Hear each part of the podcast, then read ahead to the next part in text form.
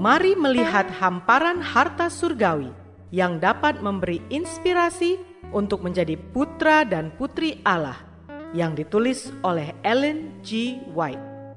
Melalui renungan pagi ini, kita akan mempelajari nasihat yang menguatkan dan memberi semangat untuk memperbaiki karakter kita. Bersama Mana Multimedia Ministry, selamat mendengarkan.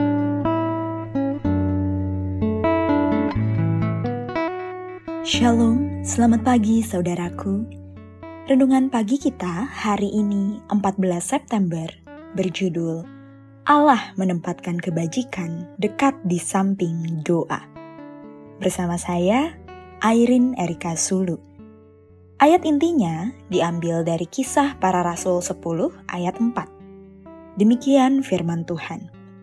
Ia menatap malaikat itu dan dengan takut ia berkata, ada apa Tuhan? Jawab malaikat itu, semua doamu dan sedekahmu telah naik ke hadirat Allah dan Allah mengingat engkau.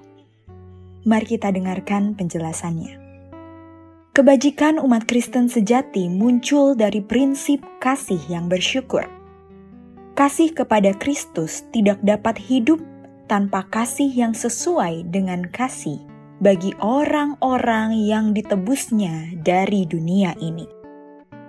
Kasih kepada Kristus harus menjadi prinsip yang memerintah kita, mengendalikan semua emosi dan mengarahkan semua energi. Kasih yang menebus harus membangkitkan semua kasih sayang yang lembut dan pengabdian yang rela berkorban yang mungkin ada di hati manusia. Ketika hal ini terjadi, tidak ada seruan yang mengharukan yang dibutuhkan menembus keegoisan mereka dan membangkitkan simpati mereka yang terbengkalai untuk memberikan persembahan kebajikan bagi tujuan yang indah dari kebenaran. Kebajikan yang diarahkan dengan benar menggunakan energi mental dan moral manusia dan menggerakkan mereka untuk melakukan tindakan yang paling sehat dalam memberkati orang miskin dan memajukan maksud Allah.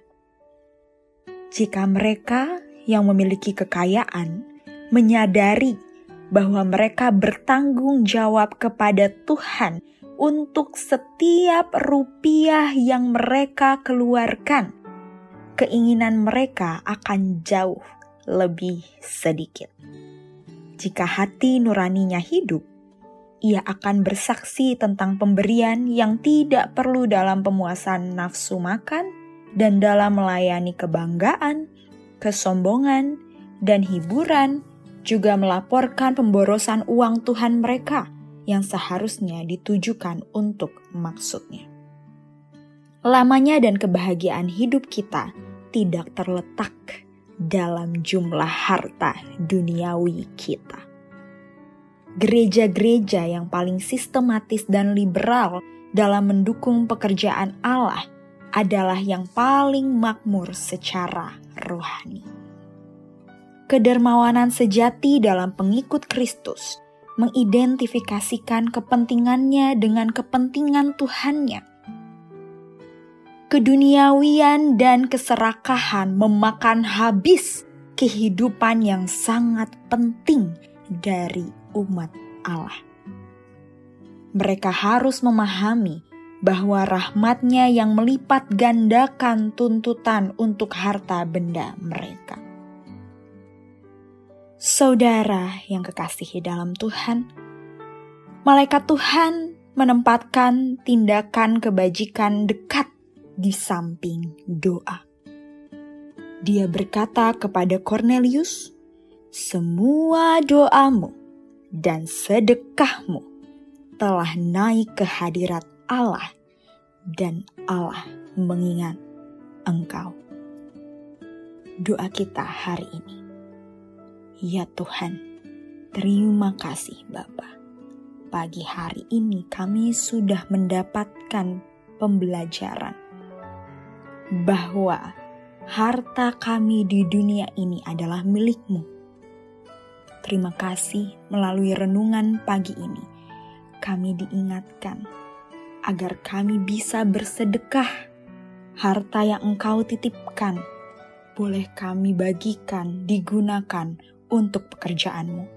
Tolong kami hari ini Bapa, agar kami tidak dikuasai oleh keduniawian dan keserakahan, melainkan kami kembalikan lagi kepadamu harta yang telah engkau titipkan.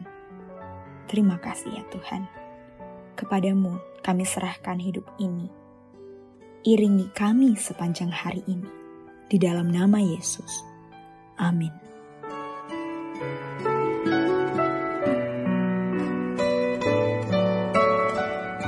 Demikianlah tadi pembahasan tentang menjadi putra dan putri Allah. Semoga firman Tuhan hari ini menjadi berkat bagi Anda. Sampai jumpa, Tuhan memberkati.